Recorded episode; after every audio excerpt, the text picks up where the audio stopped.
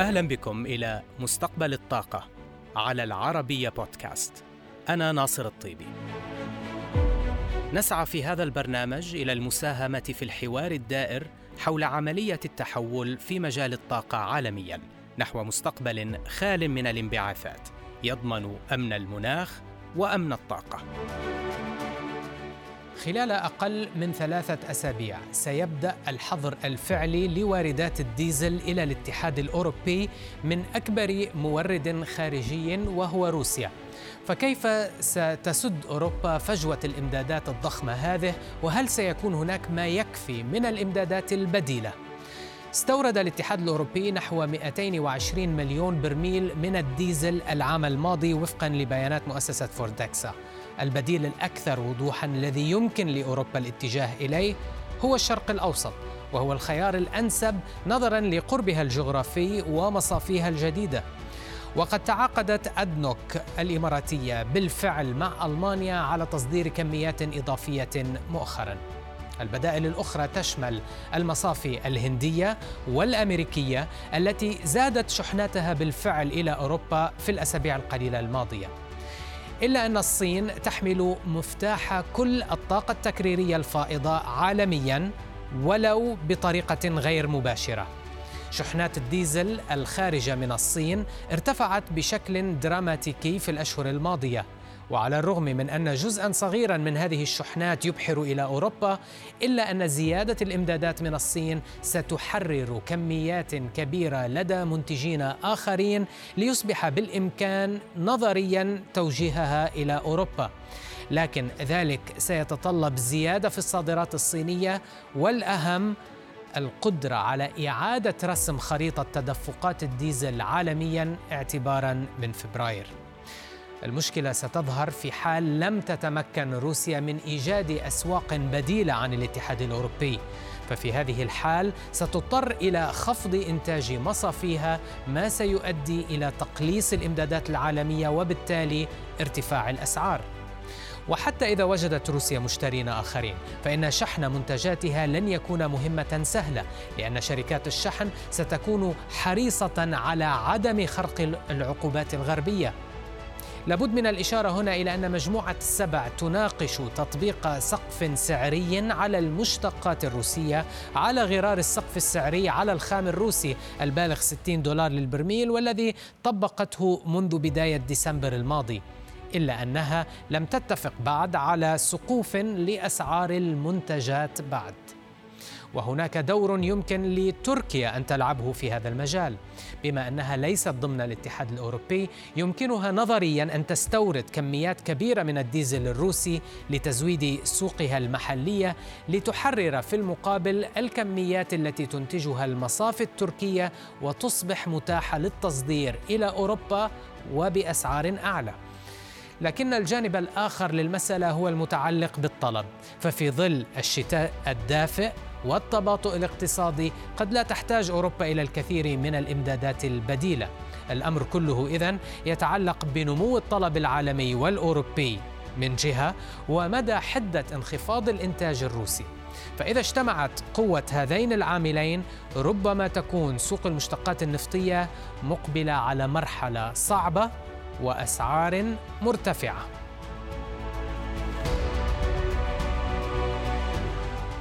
في مقابلة خاصة مع العربية كشف المنسق الخاص للرئيس الأمريكي لشؤون أمن الطاقة أموس هوكستين بأن الولايات المتحدة تعيد النظر حاليا في سحوبات من احتياطاتها البترولية الاستراتيجية معدة للبيع في سبتمبر المقبل بحجم 30 مليون برميل.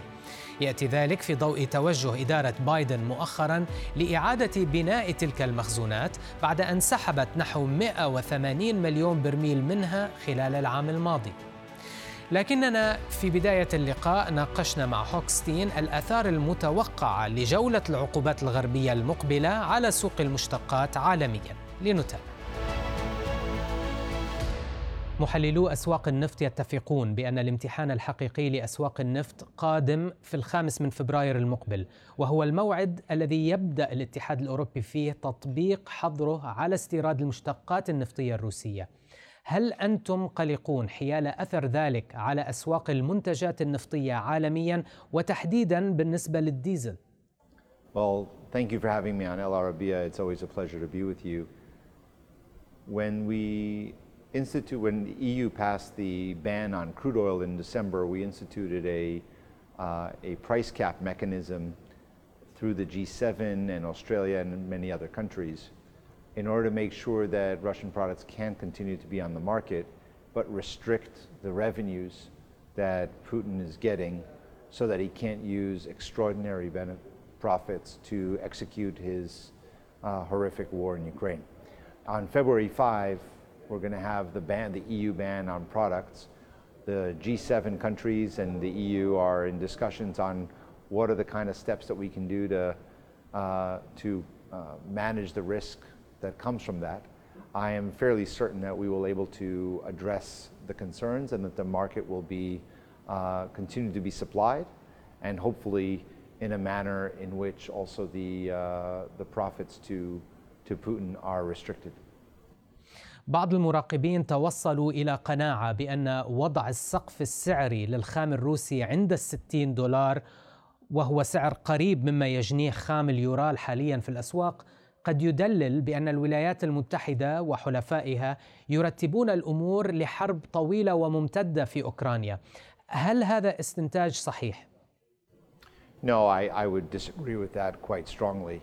Uh, currently, Ural's prices that uh, are for, for barrels that are being sold on the market are fetching below $40 a barrel. So the since the institution uh, or since uh, putting together the ban and the price cap, the discount that Russian oil is receiving in the market has actually widened.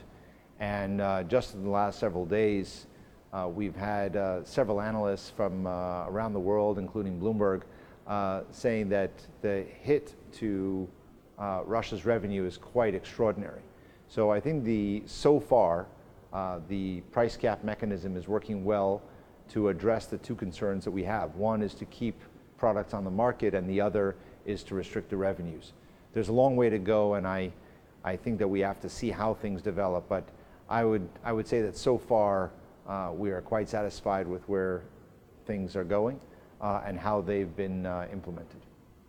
الإدارة الأمريكية لم تكن سعيدة بقرار أوبك بلس بخفض الإنتاج بواقع مليوني برميل يوميا في أكتوبر الماضي ولكن وبعد مرور هذا الوقت وبالنظر إلى الوراء ألم يكن هذا القرار خفضا استباقيا ناجحا جدا قبيل ضعف الطلب الذي تجسد لاحقا خلال الأشهر القليلة الماضية.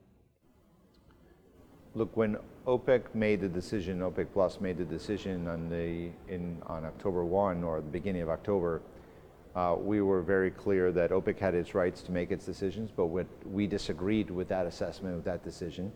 We stand by uh, our views. We understand that if prices uh, are declining in a rapid manner, then that would result in a uh, normally in a review of the policy in OPEC or other countries or other companies on whether or not they should cut production. At the time of the decision, prices were near $90 a barrel. At the time that we are today, prices are above $80 at $83 or so. So we still believe that oil is best priced when uh, the producers still receive a return and can make a profit. We're not against that. But that consumers can still buy the products at a reasonable price. Oil is a critical product and commodity that has a lot to do with how budgets of countries hold up, how finances of families across the world are affected, and they play into inflationary concerns and concerns over a recession. So allowing prices to go up and to force prices up above 85 and 90 dollars uh, has a tremendous risk to global economic growth, which is what we're concerned about. It doesn't mean that we don't support producers making uh, making a living and making a return; they're entitled to it. Uh, but there are limits to um, which kind of what kind of returns are also then causing global economic contraction. إدارة بايدن تخطط لشراء النفط الخام لإعادة بناء مخزوناتها النفطية الاستراتيجية وذلك بعد أن سحبت منها نحو 180 مليون برميل العام الماضي هي تخطط لشراء ما يصل إلى ثلاثة ملايين برميل الشهر المقبل لكنها ما زالت ستبيع نحو 30 مليون برميل في سبتمبر القادم أليس هناك تخبط نوعا ما في تلك السياسات؟ So we, the President of the United States ordered the release of 180 million barrels from the Strategic Petroleum Reserve, plus another about 60 million barrels released by, internet, by the rest of the world, because we were responding to an emergency uh, caused by the war in Ukraine uh, and the reduction in products being sold uh, onto the market. That is why we did that. Uh, when it comes, what we have said, what the president has clearly stated, is that we're not looking at a precipitous collapse of oil prices, and that if prices get to about $70 or so, we would be in the market to purchase some of that oil back uh, to replenish the reserve. We are still planning for that. As you've said, there are congressionally mandated sales out of the Strategic Petroleum Reserve for 2023 until 2027. Those are uh, under a little bit of review. So Congress just in the last several weeks canceled the sales from the uh, reserve, from the Strategic Petroleum Reserve for the years 2024 to 2027. Those are barrels that were supposed to be sold that now will not be. And in 2023, by the end of the year, uh, we are still mandated by Congress to sell a certain amount, but I think that's under review as well. We'll see what happens with those barrels as we move forward. Uh, so I think this is about long-term policies that are have to be reviewed and addressed during um, during crisis times. الولايات المتحدة صارت تستخدم عقوبات قطاع الطاقة بشكل متزايد في الشؤون الخارجية. يرى عدد من الخبراء بأن الجولات الأخيرة من تلك العقوبات ستشكل نهاية للسوق النفطية العالمية الحرة وستؤسس لسوق نفطية مقسمة وذات تدفقات تجارية مجزأة. هل علينا أن نقلق حيال هكذا تداعيات؟ No, I don't think there's cause of alarm. At the end of the day, uh, if you're not intending to invade your neighbor, um, bomb hospitals, uh, murder women and children in the streets, uh, you probably don't have much to worry about uh, sanctions on your energy sector. Uh, where we've instituted energy sanctions have been places like uh, Russia during this war, Iran, which is a threat to this region. they are funding organizations that threaten Saudi Arabia and UAE in this region and shooting its own shooting their own people in the streets simply for voicing their opinion. Uh, so other than that, we have not used energy sanctions uh, much beyond that in these extreme cases. I would also argue that the oil market has never really been a free market.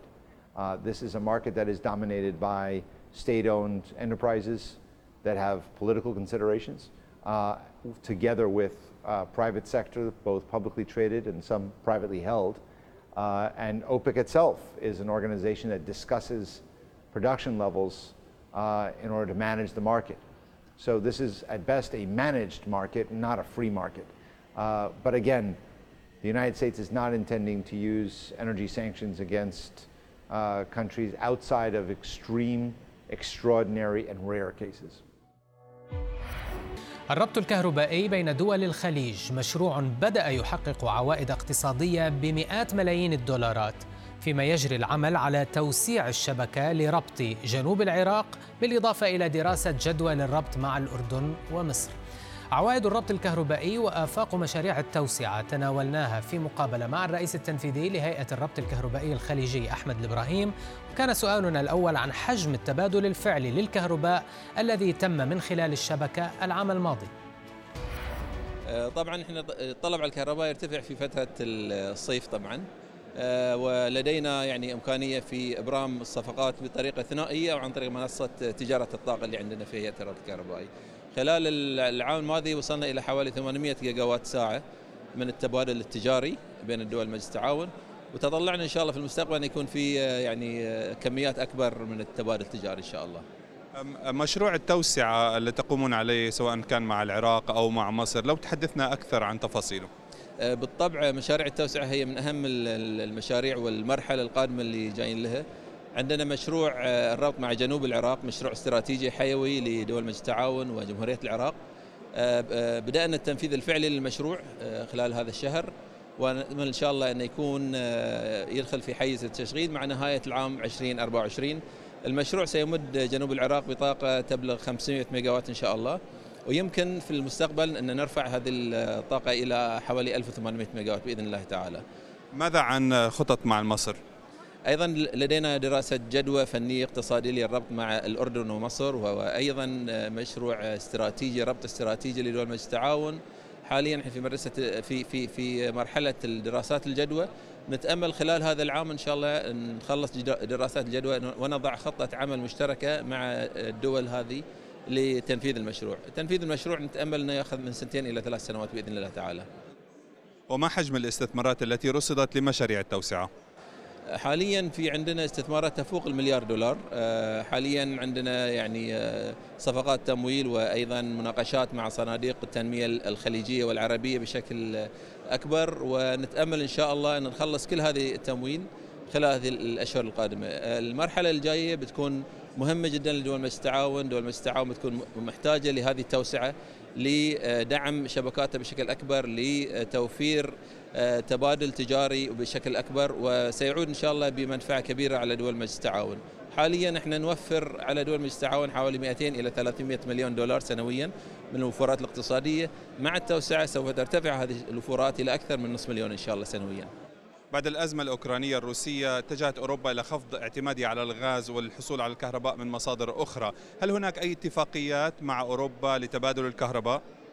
بلا شك أن دول مجلس التعاون يعني في هناك مناقشات هامة مع دول مع الدول الاوروبيه تطلع والرؤية أن يكون هناك ربط بين دول الخليج ودول أوروبا. طبعا إمكانية نقل الطاقة تعتمد على المشاريع اللي سوف ننشئها. نحتاج مشاريع كثيرة للربط وليس مشروع أو مشروعين. عندنا طاقات كبيرة في دول مجلس التعاون تفوق ال 70 يمكن جيجا وات في فترة الشتاء. اللي ممكن نستفيد منها ونبثها إلى إلى أوروبا بشكل تبادل تجاري. وخاصة بالنسبة حق مشاريع الطاقة المتجددة هناك إمكانية كبيرة إن إحنا ننقل هذه الطاقة المتجددة في حالة عدم الحاجة إليها إلى أوروبا عن طريق الربوطات اللي بتكون إن شاء الله في المستقبل. لذلك هو ربوطات استراتيجية ودول مجلس التعاون تنظر في هذه الربوطات بشكل جدي. بالحديث عن الطاقات المتجددة ما هي نسب الإنتاج التي تدخل الشبكة من هذه الطاقات؟ بلا شك يعني إذا ننظر إلى أهداف تطوير الطاقة المتجددة في دول مجلس التعاون خاصة بالنسبة حق المملكه العربية السعودية والإمارات هناك يعني طاقات كبيرة بتدخل في الشبكة دورنا إحنا كشبكة خليجية إحنا نوفر السعة لتبادل هذه الطاقات في حالة عدم الحاجة إليها أو في حاله يعني نقص الإنتاج من هذه فإحنا نكون انيبلر ونكون يعني نساعد هذه الشبكات على إدماج مصادر الطاقة المتجدده فيها إن شاء الله. بهذا نصل إلى نهاية حلقتنا لهذا الأسبوع، نلقاكم الأسبوع المقبل في حلقة جديدة من مستقبل الطاقة على العربية بودكاست.